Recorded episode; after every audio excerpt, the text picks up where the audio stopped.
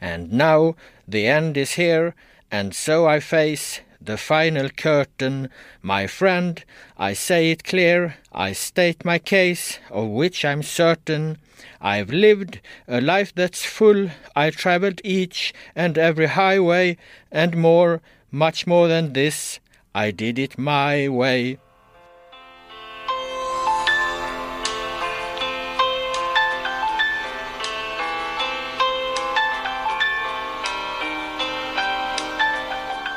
who Hej och välkomna till Sportbladet Fotbollspodd, det åttonde och sista avsnittet för säsongen. Jag heter Amanda Fredin och med mig i studion har jag som vanligt min kollega Robert Laul och lite senare i programmet så ringer vi dessutom upp vår ständiga vapendragare Oskar Månsson. Och vana lyssnare uppmärksammade kanske en liten annorlunda start på programmet idag. Det var ju ingen mindre än Robert Laul som sjöng dagens vignettmusik, en alldeles egen tolkning av Frank Sinatras My Way. Berätta lite, vad var det som hände? Eh, Eh nej, jag var tvungen att göra det här eftersom vi hade ett vad då i förra programmet att eh, eh Oskar Månsson eh, trodde att Elfsborg skulle dra längsta strået i guldstriden. Jag trodde Malmö och den som förlorade detta vad skulle då sjunga Frank Sinatras My Way. Men eh, jag är inte mycket för Frank Sinatra så att jag gjorde istället en egen tolkning av Sid Vicious eh, tolkning av My Way. Så att eh, min, jag tolkade alltså Sid Vicious så det var det ni precis hörde. Jag hoppas ni var nöjda med det. Det kanske blir den ständiga vignettmusiken till nästa säsong. Det vet man aldrig. Eh, vi går rakt in på ämnena. Vi måste ju såklart eh, ge oss in på Elfsborg. Laul, du var på plats i Borås igår. Äntligen prickar du rätt. Du fick se guldvinnarna i Allsvenskan. Berätta vad du fick se. Eh, ja, jag prickade rätt där. Eh, jag har varit fel ute några år där. 2004 vet jag var jag i Halmstad. Då, då vann Malmö och 2006 var jag i Stockholm tror jag det var när Elfsborg vann då. 2010 så satt jag och frös på Olympia eh, och kollade Helsingborg. Kalmar spelade 0-0 för mig samtidigt som det var, blev vilt guldparti i Malmö då. Så att jag har missat det där några gånger. Men men du är inte bitter? Nej, jag är inte så bitter. Alltså rent journalistiskt så, så alltså det är klart att det är kul att, att, att vara där, där bucklan delas ut, där det händer och så vidare. Men, men journalistiken är inte så jävla rolig att göra runt det här för att jag menar de är så glada och så blir de packade rätt snabbt och de säger inte så mycket vettigt. Det är rätt mycket tjo och kim och, och så. Va? Så att det kan ibland vara rätt kul att vara på förlorararenan också för då är de lite bittra och, och så tar de heder och ära av sina klubbledningar här som Jiloan Hamad gjorde av Malmö FF så, så den journalistiska utmaningen är, är ofta lite roligare faktiskt på, på förlorararena. Även om det är häftigt att få uppleva de här guld, guldfesterna också. Men du gillar de bittra. Eh, men du får säga, var det något drag då på guldfirandet? Vem tog guldkapsylen? Ja men herregud, det är Borås vi snackar om. Det är klart, det var ett jävla drag där. Jag fick ju själv känna på det där. Jag stod och intervjuade eh, Lasse Nilsson, eh, pratade lite om Jörgen Lennartsson, vad, vad, vad är bra med honom och så, tränaren då. Så Ja, när jag står där med min, min eh, iPhone och Lasse står och pratar så får jag plötsligt ett stenhårt slag rakt i ryggen bakifrån. Utan jag är helt oförberedd på det. Så liksom mitt Kroppen flyger fram och huvudet flyger bak och det knäcker till i nacken så att jag får en sprängande huvudvärk direkt. Ett tag ser jag knappt någonting och då är det någon oborstad jävla Älvsborgs junior här som, som har blivit eh, eh, dyngrakast av alla direkt. Då. Vi tror att det är Sebastian Holmén. Jag, jag, jag kände inte igen honom riktigt. Jag har försökt luska ut vem fan det här kan ha varit. Va? Men, men fullständigt oprovocerat för detta slag i ryggen som, som tydligen var, eller vad jag förstod ändå i all välmening. Men han hade inte, liksom inte riktigt kontroll över, över sina kroppsdelar i det läget så han slog mig alldeles för hårt. Jag tror att vi har det på, på band där till och med hur det låter. Ja, så här låter det. Fyra stycken innermittfältare som är bäst i Allsvenskan. Så behöver inte det... Oj, jävlar. Han är så full, han är så jävla full. Så behöver inte det... Oj, jävlar. Han är så full, han är så jävla full. Man kan säga utan att dricka en enda droppe så är du den som har mest ont i huvudet idag eller? Ah, ja, fan jag har fortfarande ont i nacken alltså så att vi får se om, om, om inte det släpper. Då får vi gå vidare med detta. Först ska vi ta reda på vem den skyldige är dock. Men eh, åter till guldfesten då. Nej men de festade ju på bra där eh, hela natten. Det ligger väl lite, lite klipp ute när de dansar och sjunger på, på någon lokal sylta där. Så att de, de, hade, de hade en bra kväll. Såklart, det har ju alla, alla lag som vinner SM-guldet. De har slitit och svettats tillsammans. Och och då är det inte fel heller att ta en rejäl bläcka tillsammans och firas av folket i, i Borås. Jag menar, hela stan slöt ju upp eh, för det här. Det var fullsatt på arenan. Det var ett fantastiskt tifo. Det var bra stämning. Det var en, en, eh, en eh, planstormning sen som enbart innehöll glädje och, och så. Så att det var en, det var en väldigt lyckad guld, guldkväll för dem.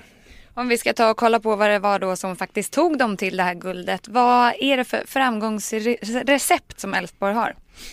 Det är lite svårt eh, någonstans när det blir så här oerhört jämnt att peka på exakt vad är det som gör att det blev ett lag som vann. Man brukar tala om, om värdiga vinnare och alla vinnare är ju värdiga. Det är sällan det finns en ovärdig vinnare så att säga. Eh, det här året fanns det väl egentligen tre värdiga vinnare skulle jag säga. Alltså, Elfsborg var värdiga vinnare, Malmö hade varit om de hade vunnit och, och Häcken hade givetvis också varit det då. Så att eh, eh det är väl lite liksom, eh, det, det, kunde ju gått åt vilket håll som helst det här. I, i slutändan så, så avgjordes det ju av, av en eller två en, enstaka matcher. Men det man kan säga om Elfsborg då som, som har gjort att de har hängt kvar i topp över lång tid. Eh, grundbulten i deras, i deras eh, framgång det här året skulle jag säga att de har allsvenskans klart bästa mittfält. Mittfältet är ju en väldigt central del eh, för hur spelet fungerar, framförallt det centrala mittfältet då. Och där har ju allsvenskan det bästa centrala mittfältet, Oskar Hiljemark och Anders Svensson. Eh, allsvenskan brukar vinnas på senare tid av ett 4-4-2-lag som har just ett starkt centralt mittfält. AIK gjorde det 2009 med Jorge Ortiz och Duli Jonsson centralt på mitten. Malmö gjorde det 2010 4-4-2 med Ivo Pikalski och Wilton Figueiredo då i storform centralt på mitten. Eh, 2011 var det Helsingborg som vann också 4-4-2-lag. Då hade de Adi Angashi och Maima Chlango på mitten. Så att, Eh, det är den trenden vi har sett i Allsvenskan de senaste åren. Här hade ju Elfsborg dessutom då två av de absolut bästa kantspelarna i, i poängspelaren Stefan Ishizaki och eh, den snabba lilla, snabba lilla raketen Niklas Hult till vänster även om han tyvärr var, var skadad här, här mot slutet. Fast det var roligt i guldfirandet där när, när, när slutsignalen gick. Han stod liksom på sidlinjen och vevade med kryckorna. Eh, han hade ju dragit sin baksida, ska vara borta fyra månader.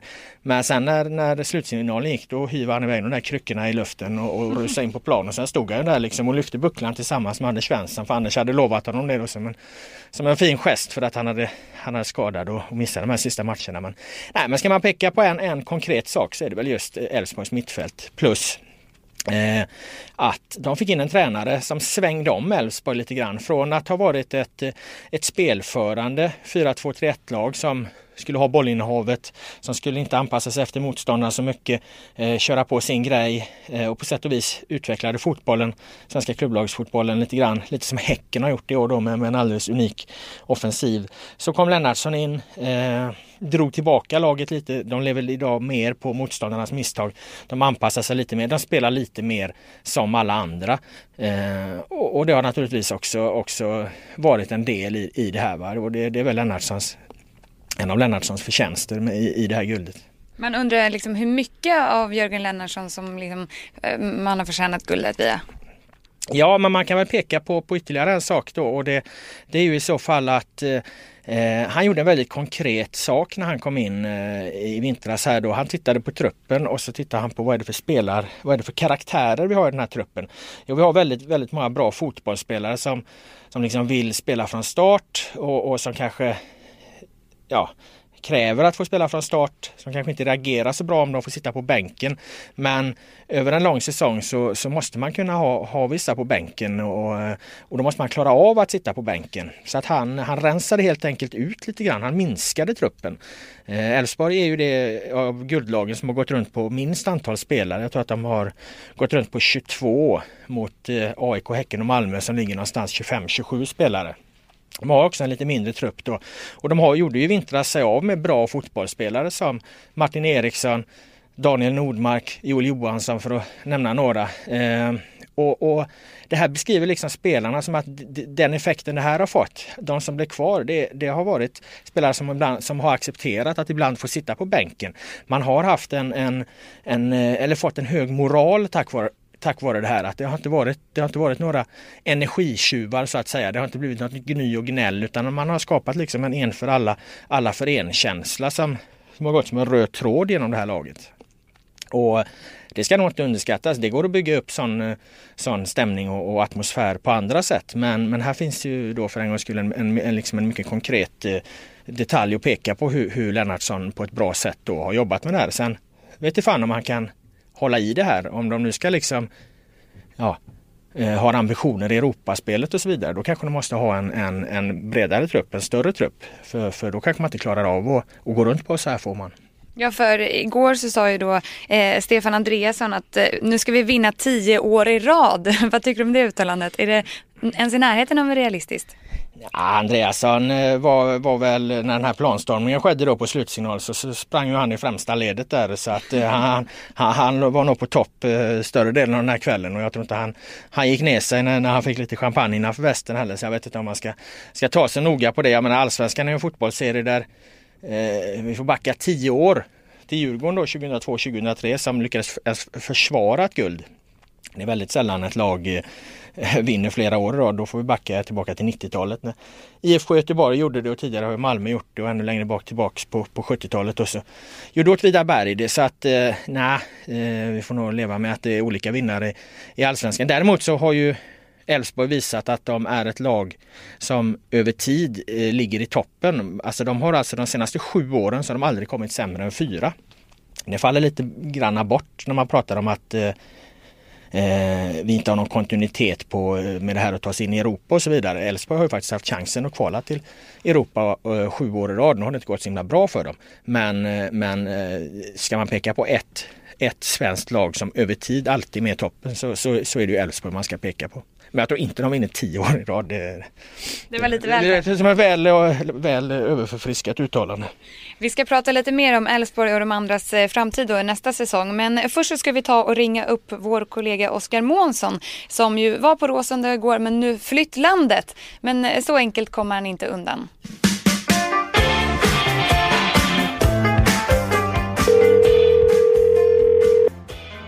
Oskar, du befinner dig i Oslo, eller hur? Ja, det stämmer. Jag flydde landet direkt efter den allsvenska avslutningen. Men igår var du på plats eh, på Råsunda och fick se Malmö förlora guldet. Hur var det med Malmöspelarna egentligen? Var de ledsna?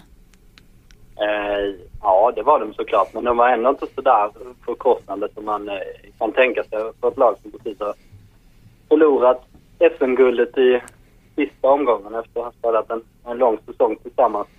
Eh, det, var, alltså det var ju ganska avslaget. Det, precis som det blev avslaget både i den matchen och den i Borås väldigt snabbt.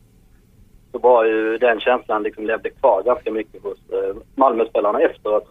Det som var kul däremot, eller kul, men det som eh, ja, gjorde att det hettade till lite, det var ju att eh, Jiloan Hamad gick ut och sågade klubbledningen väldigt hårt.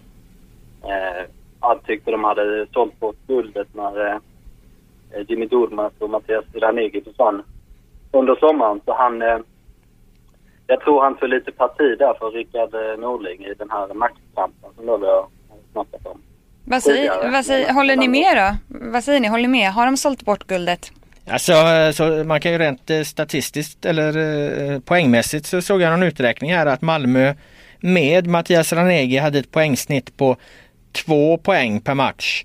Och eh, Malmö utan Ranegi hade ett poängsnitt på 1,45 poäng per match. Så att så sätt så, så tog de ju färre poäng eh, när, när Ranegi eh, försvann där. Även om man ju tyckte att de fick ordning på sitt spel och att de rätt snabbt eh, liksom hittade ett, ett nytt sätt att spela fotboll på utan Ranegi. Så, så rent statistiskt så, så, så förlorade de ju på, på att sälja honom i poäng då. Däremot fick de ju lite stålar på det och det, det behövde de ju. Hur var det med Norling då, Oskar? Um, uh, jo, det var väl okej, okay, men, men uh, nu kommer jag på en helt annan grej. Ja, varsågod. Jag har, inte jag har inte lyssnat på vad ni snackat om innan. Hur gick det för uh, Laul när han skulle sjunga egentligen i början av programmet?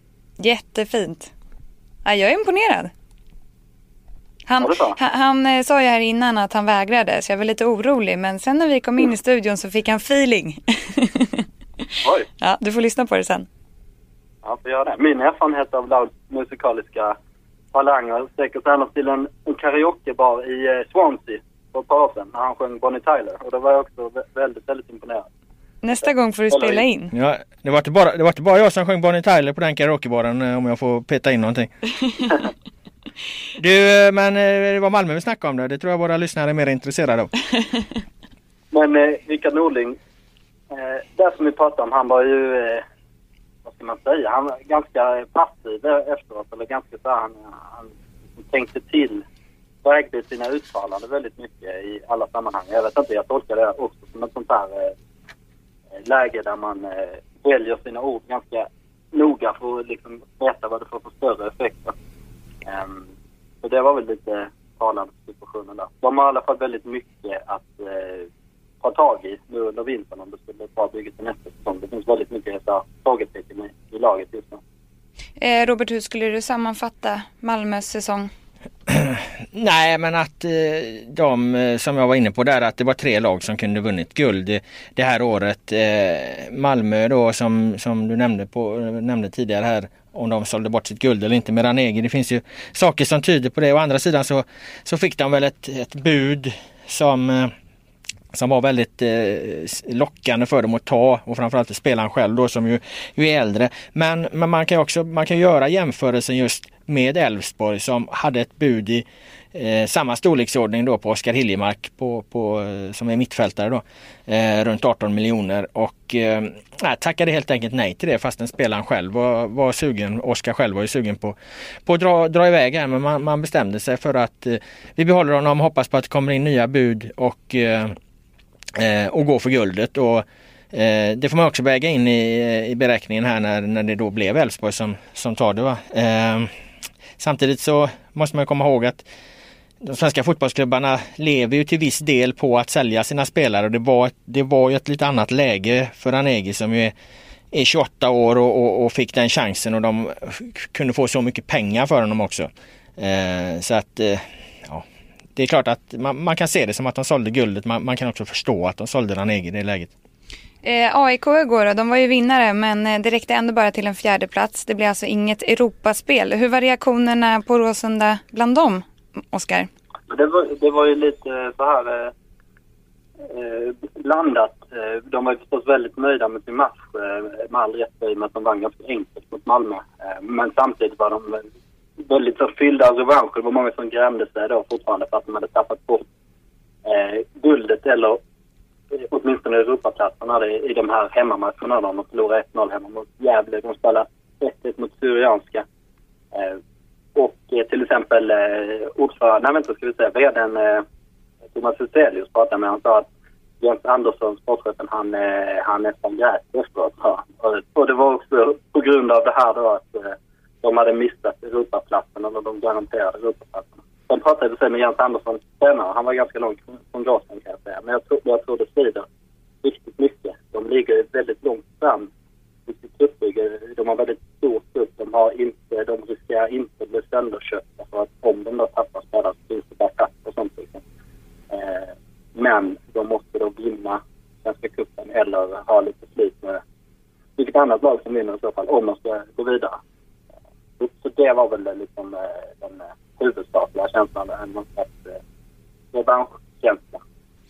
Om vi kollar lite på, om vi går över till Häcken då, som ju till slut hamnade på en andra plats. Hur skulle ni summera deras säsong?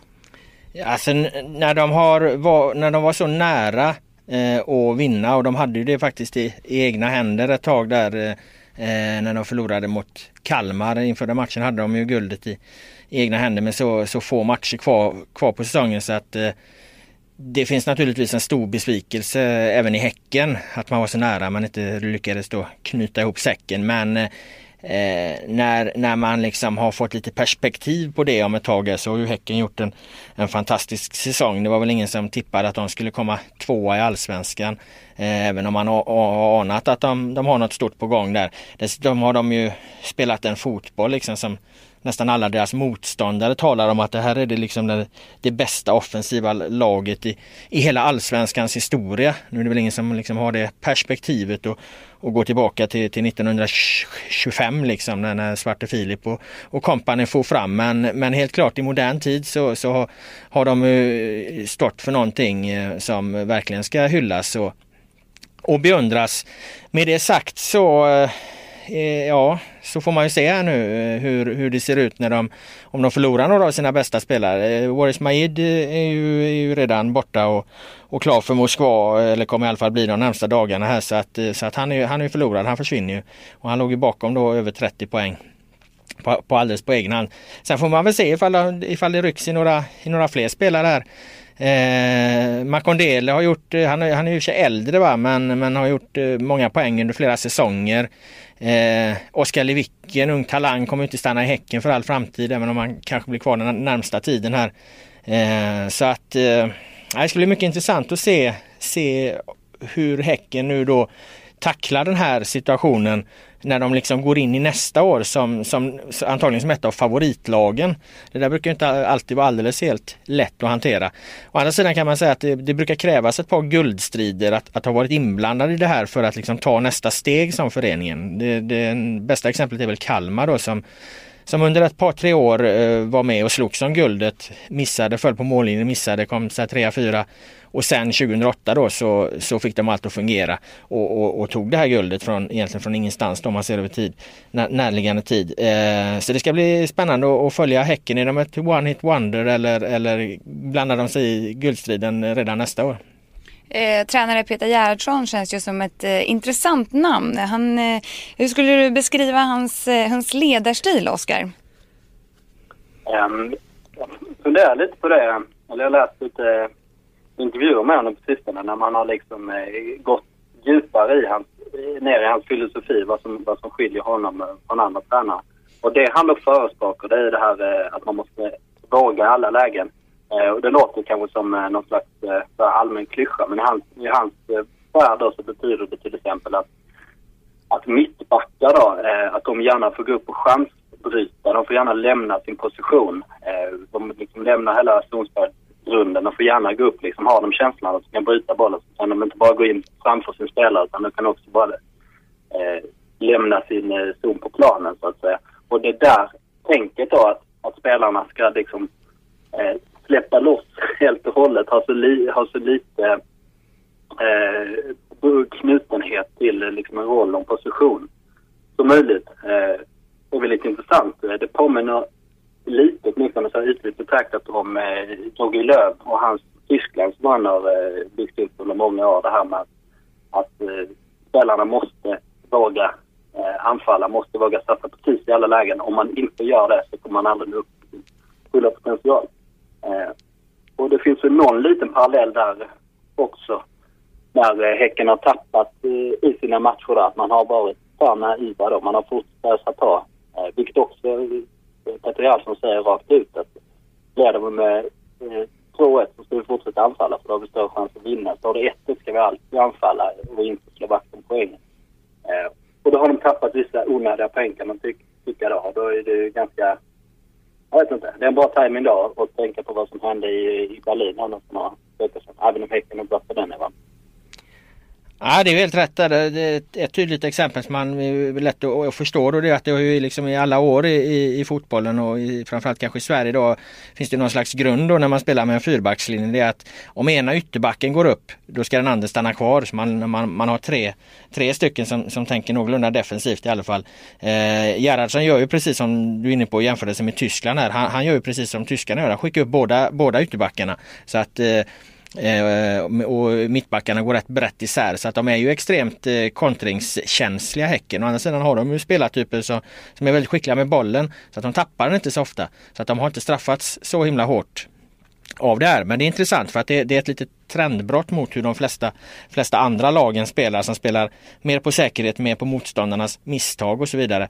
Eh, häcken går, precis som du säger, eh, full, full sula framåt hela tiden. Och det är klart att vi, det blir väldigt tydligt och konkret när man ser att de tappar en 2-1 ledning i slutet för att de kanske har varit för offensiva.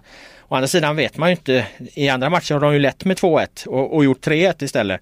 Eh, hade de backat hem i det läget och motståndarna fått tryck då kanske lik förbannat hade, du hade kanske eh, rullat in en, en en 2-2 boll där istället. Så att det är rätt svårt att, att mäta där. Men, men helt klart är det intressant att han har en filosofi som skiljer sig från många, många andra andra tränare.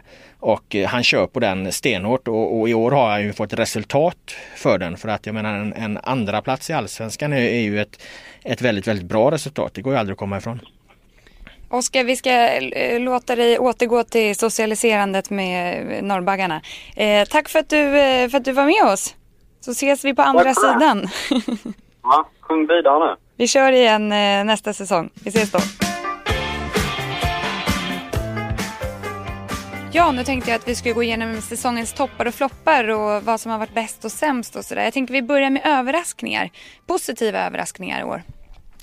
Eh, framförallt tre och en bubblare skulle jag säga. Om vi börjar med de tre lag som har överraskat allra mest positivt mot eh, vad man tänkte från början så är det ju tvivelsutan IFK Norrköping som plockar en femteplats. Vi har Åtvidaberg som egentligen höll sig borta från bottenstriden eh, hela säsongen och, och, och slutar som ett stabilt mittenlag, eh, nykomlingar. Eh, och vi har Häcken då som vi har redan har pratat en hel del om i det här programmet men de har ju överraskat både resultatmässigt och med sin fotboll.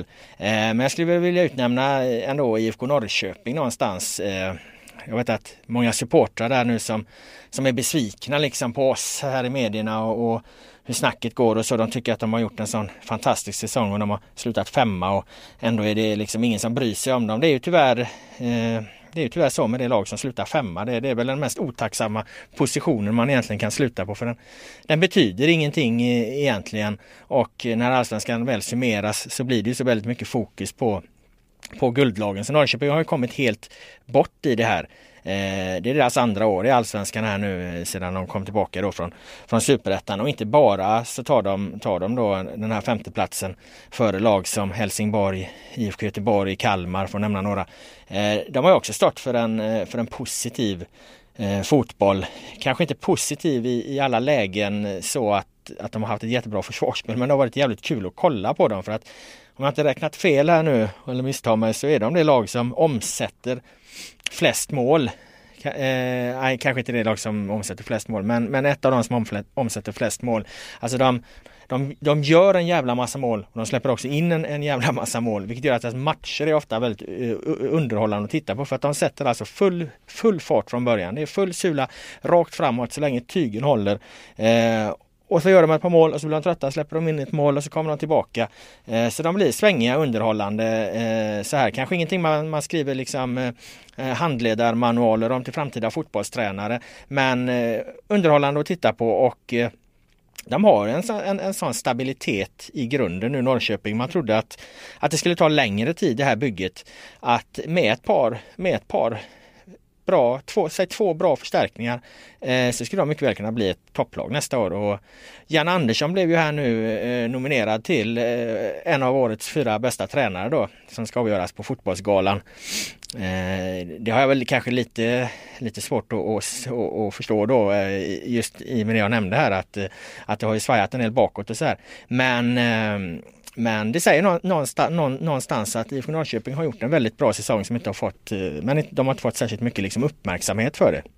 Jag tror däremot att när vi börjar titta framåt nästa säsong här, framåt våren och så vidare, eh, så kommer vi nog tala om, om Norrköping som, som ett lag som, som kan utmana de bästa. Eh, och min bubblare då som jag nämnde där inledningsvis eh, eller tidigare här. Eh, det måste man ändå säga Syrianska. Det var ju ingen som trodde att de skulle klara sig kvar.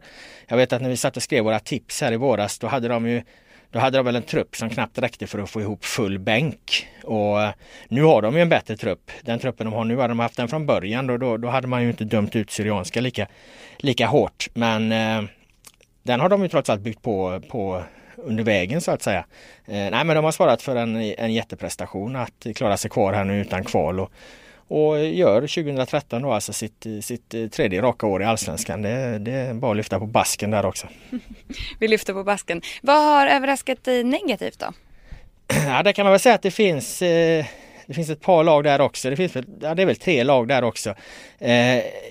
Det är ju Gais, det är Örebro, det är de lagen som åker rakt ut och, och det är ju IFK Göteborg. Eh, lite svårt kanske ändå att, eh, att, att rangordna dem så, det är lite olika saker det handlar om. Men, men alltså Gais, Gais misslyckande är ju väldigt, väldigt svårt att, att analysera och sätta in vad det beror på. Det är, det, det är något, något, slags mysterium alltså för de, kom, de går alltså från en topplacering, division eh, eh placering 5, de var alltså femma 2011 och åker rakt ut med, med en seger året efter. Och då ska man veta att Gais går ju in i den säsongen med samma trupp, samma tränare i stort sett samma trupp och, och, samma tränare då. Sen så händer det saker längs med vägen här när det bara går åt skogen då. Men eh, Nej, väldigt svårt och, och, jag vet inte fan hur, hur, man ska förklara egentligen. Det enda jag kan komma på liksom, det är att det vilar någon slags förbannelse över den här femteplatsen. För grejen är att Trelleborg gjorde ungefär samma sak. De var femma 2010. De åkte rakt ur 2011 Och nu är de till och med har de ramlat ner i, i division 1. De åkte ju ur superettan i helgen. Så den bästa förklaringen eh, för dagen är väl att femteplatsen är, är jävligt farlig och det är väl någonstans det i så fall som skulle tala emot IFK Norrköping som jag lyfte här för de slutar ju faktiskt på den här katapultplatsen då. Eh, plats nummer fem. Det, vi får se, se hur det går för Norrköping. Eh, nej men det, det, det är ju Gais det då som väl någonstans får, får ses som det stora.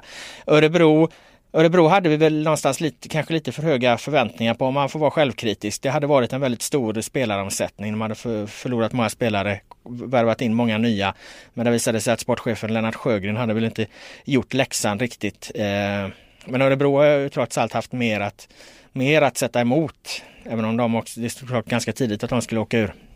Eh, men där, där finns det som sagt förklaringar då att den här stora spelaromsättningen. Och sen IFK Göteborg då som eh, de allra, allra flesta trodde skulle bli ett topplag. Slutar på en sjunde plats här nu och det, det ser väl någonstans lite bättre ut än vad det egentligen var. IFK Göteborg har svarat för en, en väldigt misslyckad säsong och det var väl egentligen inte förrän de fick in Mattias Bjärsmyr här som mittback på, på hösten som det började ordna upp sig någorlunda. Eh, annars har de saknat, de har haft, eh, de har haft duktiga fotbollsspelare på många, många positioner. Eh, men det har inte varit balanserat rätt det här laget. Det har eh, redan från början såg man att det var, att det var darrigt bakåt eh, och det fungerade inte med, med alla de här skickliga fotbollsspelarna att sedan liksom ta sig igenom motståndarna. Man, man, har, man hade behövt tror jag en stor forward. Säg att Mattias Ranegi hade spelat i IFK Göteborg så tror jag att han hade säkert gjort en 20-25 mål. De, de, de behöver en, en en spelartyp. De saknar en spelartyp. En stor, en stor uh, target player, en stor eh, spelare som kan förvalta de eh, många fina inlägg som, som laget har slått. Va? Det, ibland är det, är det inte så mycket svårare än så.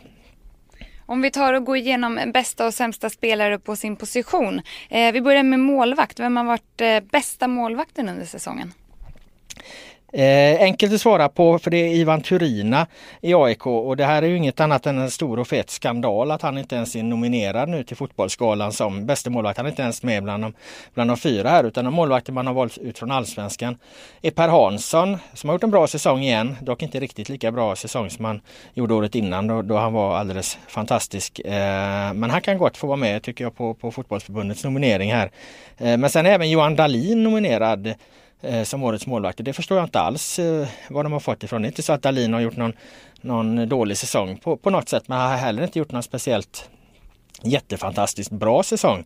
Det räcker du går in och tittar på fotbollsförbundets e-, egna siffror och statistik så ser du att, att Dahlin är inte, är inte en av de målvakterna som är mest framträdande. Så att där skulle Ivan Turina givetvis vara med. Han har räddat många poäng åt AIK. Eh, han har inte kostat speciellt många. Jag, Ska man påminna sig något, något misstag han har gjort så, så är det väl liksom mot IFK Göteborg i, i början av säsongen när de släppte in ett sent 1-1 mål. Det är det enda jag, jag spontant kan komma på. Dessutom ska jag komma, på, komma ihåg att årets målvakt innefattar ju Eh, även vad de, vad, vad, vad de här svenska lagen har gjort i Europa. Och jag menar hans match mot CSKA Moskva, bara, bara den enskilda matchen skulle egentligen göra honom förtjänt av att, av att vinna priset som årets målvakt. Så att det är ohyggligt märkligt att han, att han inte är med här. Om vi vänder på det då, sämsta målvakten under året? Eh, ja, där kan man väl säga att Örebro har haft eh, en väldigt, väldigt krånglig eh, målvaktssituation där. De har växlat mellan Jonas Sandqvist och, och Tommy Kensinski här. Eh, sen, sen, gjorde ju Kensinski då en, en, en bragdmatch mot Malmö. Det var han, han liksom delvis på egen hand som egentligen Eh, grusade Malmös eh, guldchanser nu för två omgångar sedan. Han, han, han gjorde nog hyggligt bra. Men annars har Örebro haft stora, stora målvaktsproblem med hela säsongen. Så att eh, ska vi sätta en stämpel på årets sämsta målvakt så, så sätter jag den stämpeln på, på Örebros målvaktssituation. Djurgården har varit där och och, och, och nosar också på, på, på den första platsen där. De har väl gått runt på tre målvakter och det är inte förrän Kenneth Höje kom in egentligen som man, man fick ordning på sin målvaktssituation där. Men... Om vi går vidare då till försvaret, vem har varit den bästa försvararen i år? Där tycker jag att, eh, där vill jag lyfta fram Pontus Jansson. Han var inte den bästa försvarsspelaren i eh, våras, absolut inte. Det tog ett tag innan eh, Malmö fick eh, defensiven att fungera fullt ut. Det tog, eh, det tog ett tag innan Pontus Jansson blev den ledare och den försvarsspelare han har varit under hösten. Under hösten har han varit allsvenskans klart bästa eh, försvarsspelare och jag tror att, att vi ser en kommande landslagsmittback där. Han är långt ifrån färdig.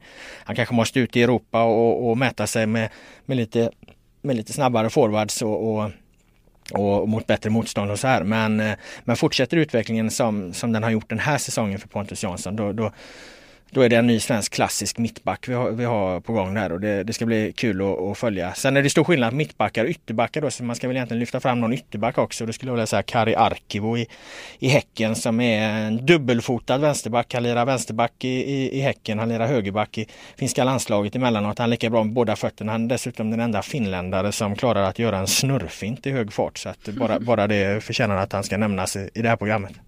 Och den sämsta då? Eh, ja, det finns ju, det finns ju många försvarsspelare som som kanske är med och, och aspirerar på den titeln. Men eh, man får väl någonstans sätta det i relation till vad hade vi för, för förväntningar på spelarna inför året. Och IFK Göteborg tog in en 30-faldig norsk landslagsman här inför säsongen som skulle styra upp eh, eh Blåvitts backlinje. Jag tänker på Kjetil Wähler då.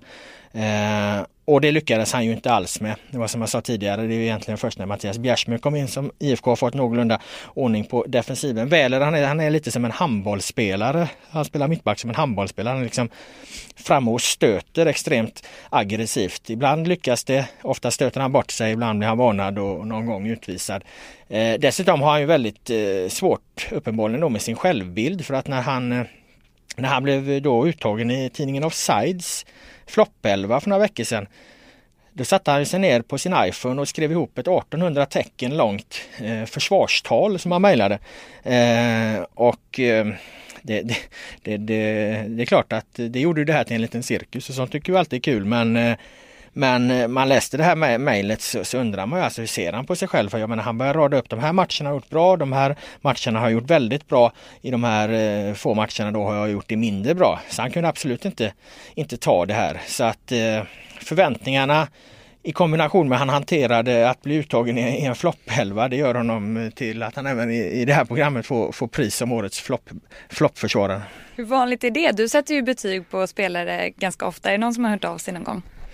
Nej, inte på det här sättet har jag aldrig eh, varit med om. Jag kan inte påminna mig. Det är väl klart att man kanske någon gång har, har fått någon gliring och att, eh, att eh, spelare liksom mer svepande och generellt kan komma och säga ja men era betyg stämmer inte och bla bla bla liksom. Men inte så här oerhört detaljerat och med sån oerhörd energi som, som Väler gick igång på på Sides eh, offsides utnämning i floppelvan. Dessutom så stod det i det här mejlet, det borde vi ju ta och kolla upp egentligen, att den här omtalade stenen då som han ska ha fått på sin, på sin vad så att han eh, fick en skada inför en match mot Djurgården. Där, där, skriver han ju i mejlet att den här stenen den har han minsann sparat. Det var, pågick en stor jakt efter den här stenen eh, vad jag minns på, på Stockholms stadion och det var ju stort palaver där. Va? Men det, då hävdar ju Väler här nu plötsligt några månader senare att stenen den har minsann kvar. Då undrar man ju varför han då inte tog fram den eh, när, när, när det här avhandlades. Så att, ja, mycket märklig historia allt det Man gillar ju ändå de här udda fåglarna. jo, det är någonstans gör man det. Vi går vidare till mittfältet. Vem har briljerat mest där? Där finns det många eh, kandidater skulle jag vilja säga. Eh, vi listade ju de 50 bästa allsvenska fotbollsspelarna här nu i Sportbladet tidigare, eh, ja i helgen var det. Och eh, vi hade Anders Svensson på andra plats. Och eh, vi hade Waris Majid på första plats. Och han är anfallare, Anders Svensson är mittfältare. Så det, det tydliga svaret är ju att eh, återigen Anders Svensson, eh, allsvenskans bästa mittfältare. Eh, då kan ju invändningen komma att ja, har inte allsvenskan blivit bättre? Det är fortfarande ingen som har lyckats passera Anders Svensson. Men jag tycker man kan vända på det och, och säga att det är imponerande av Anders att, att han vid 36 års ålder fortfarande håller en, en, en, en så hög nivå. I år har den svajat lite grann. Eh, han har haft sina dippar, det brukar han inte ha, men varje gång Elfsborg egentligen har behövt det, då, då har han verkligen klivit fram. Det är ju han, han gör mål alltså i, i två av de tre sista matcherna här eh, när guldet står som allra mest på spel. Då är det Svensson som kliver fram med, med, med distansskott och, och, och bra matcher. Så att eh, den gamle kan än, det, det, tycker jag man definitivt säga. Han flåsas i nacken av Martin Eriksson den här säsongen som har gjort fantastiskt bra för Häcken. Det, det, det behöver vi väl tillägga också. Och om vi vänder på det då, vem har inte imponerat på mittfältet? Ja, det finns en hel del där också men eh, jag ska lyfta fram ett namn här framförallt och jag vet inte om ni kommer ihåg honom längre men eh, Djurgården gjorde inför den här säsongen en ganska omtalad mittfältsvärvning. Eh, den här spelaren sades vara handplockad för det var exakt vad laget behövde då enligt managern Magnus Persson som hade skickat ut sin scoutchef då för att för att sondera terrängen på den eh, inhemska spelarmarknaden och eh, hämtade, plockade fram Josef Chipsa från Gävle.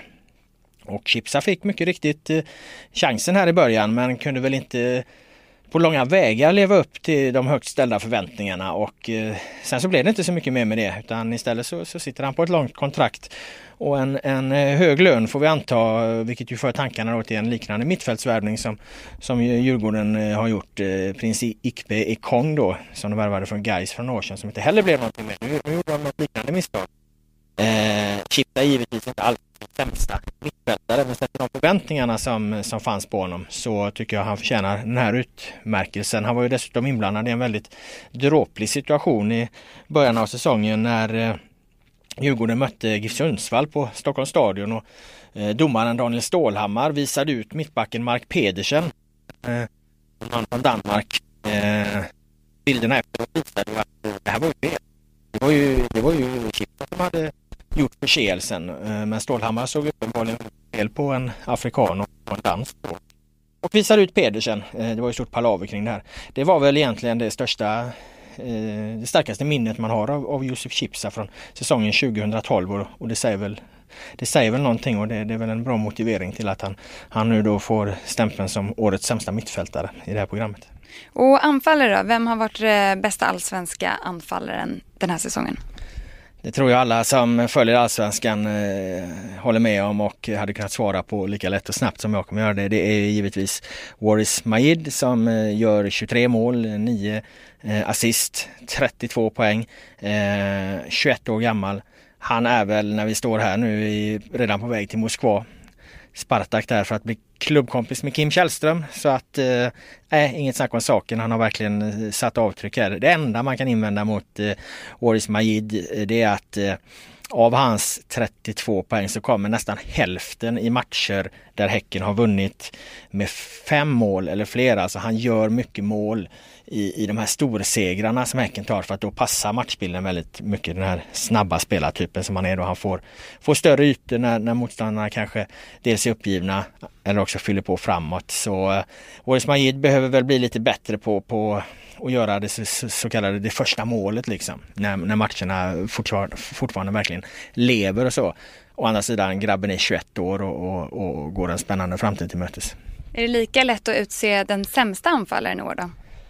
Eh, ja, det skulle jag nog vilja påstå. Eh, Helsingborg värvade Thomas Sörum eh, förra hösten för en summa som eh, låg i trakterna av 10 miljoner kronor. Och om man tittar på, på på hans poängskörd här. Han hade spelat rätt många matcher under 2012. Jag tror han har gjort 20, 23 matcher totalt och, och, nästan 20 stycken från start. Då.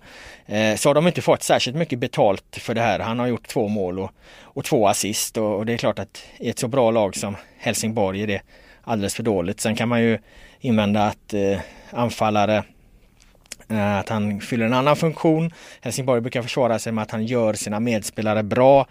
Eh, han är bra i mottagningsspelet och han rör sig bra och så vidare. Men jag tycker inte heller att Sörum där har, har, levt, upp till, eh, har levt upp alls till, till den prislappen och, och, och de förväntningarna som, som fanns på honom. Han är lite för kantig och lite för otymplig och, och som sagt han bidrar med, med alldeles för lite för, för en anfallare i ett så bra lag som Helsingborg. Så han får, han får utmärkelsen utan vidare diskussion.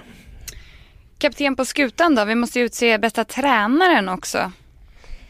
Eh, det måste vi såklart göra. Vi nämnde Jan Andersson här tidigare som var nominerad eh, till årets tränare. Det, eh, det tror jag inte han får det priset på Fotbollsgalan även om Porto-Janne då som vi kallar honom är en trevlig prick och i grunden en, en bra fotbollstränare som, som vet vad han gör och så vidare. Nej men det finns väl några andra kandidater där som ju också är nominerade här och det är väl i första hand då Peter Gerhardsson och Jörgen Lennartsson och har lite svårt att skilja på de här två, vem som egentligen har, har gjort den bästa, bästa prestationen då. Det är klart att Gerhardsson har ju över tid satt eh, större avtryck då i och med att man, man har, han har byggt ett Häcken som spelar en fotboll som kanske ingen annan gör.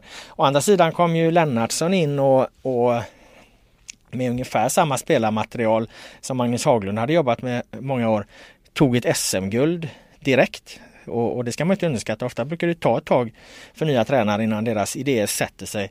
Och så här så att eh, vi kan väl slå ett slag för kombinationen eh, Peter Gerhardsson, Jörgen Lennartsson, Peter Jörgen eller Jörgen eh, Gerhard eller eh, hur det nu ska bli. Det finns ju en god gammal dubbelnamnstradition i, i, när det gäller fotbollstränare här då, Lars Tommy och, och så här. Och vem vet, det där kanske är ett eh, ett eh, framtida svenskt förbundskaptenspar. De, de står ju för lite olika saker.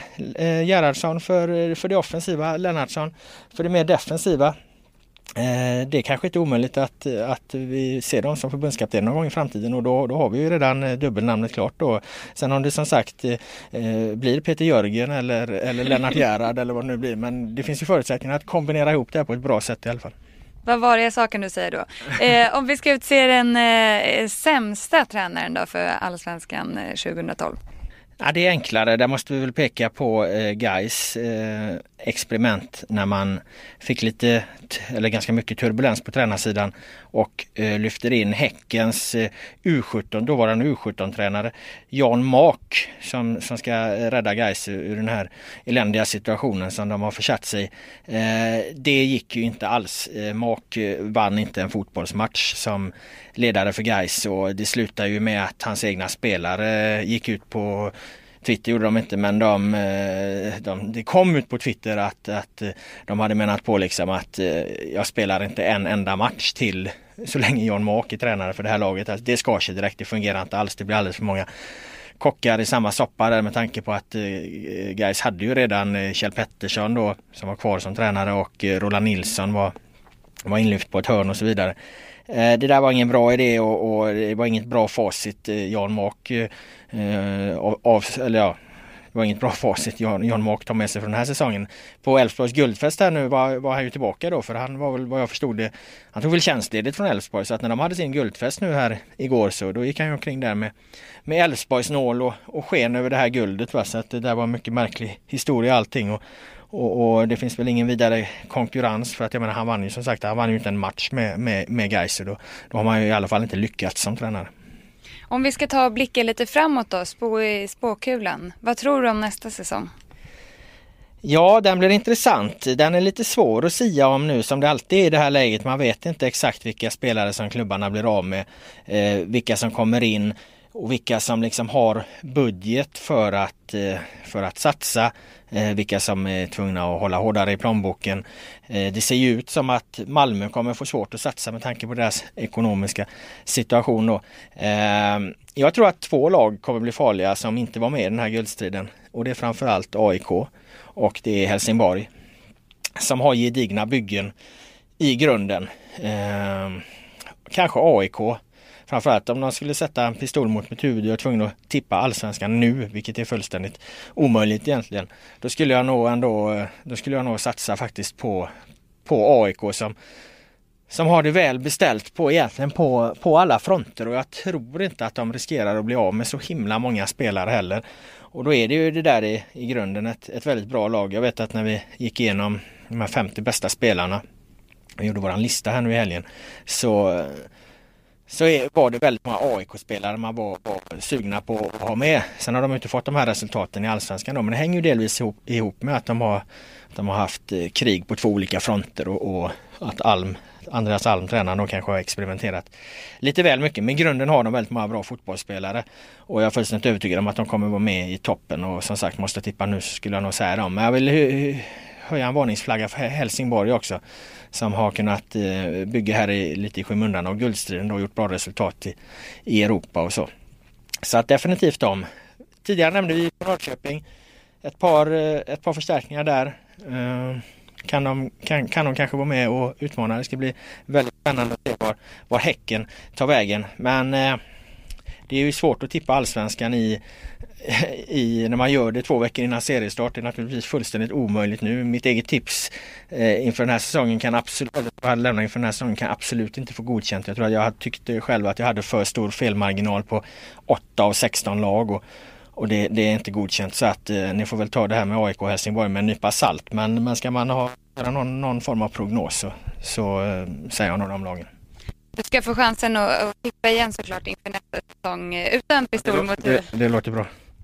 Och med de orden så lämnar vi er. Det här var alltså sista avsnittet för den här säsongen men inför nästa allsvenska omgång så är vi tillbaka igen. Tack för att ni har varit med oss.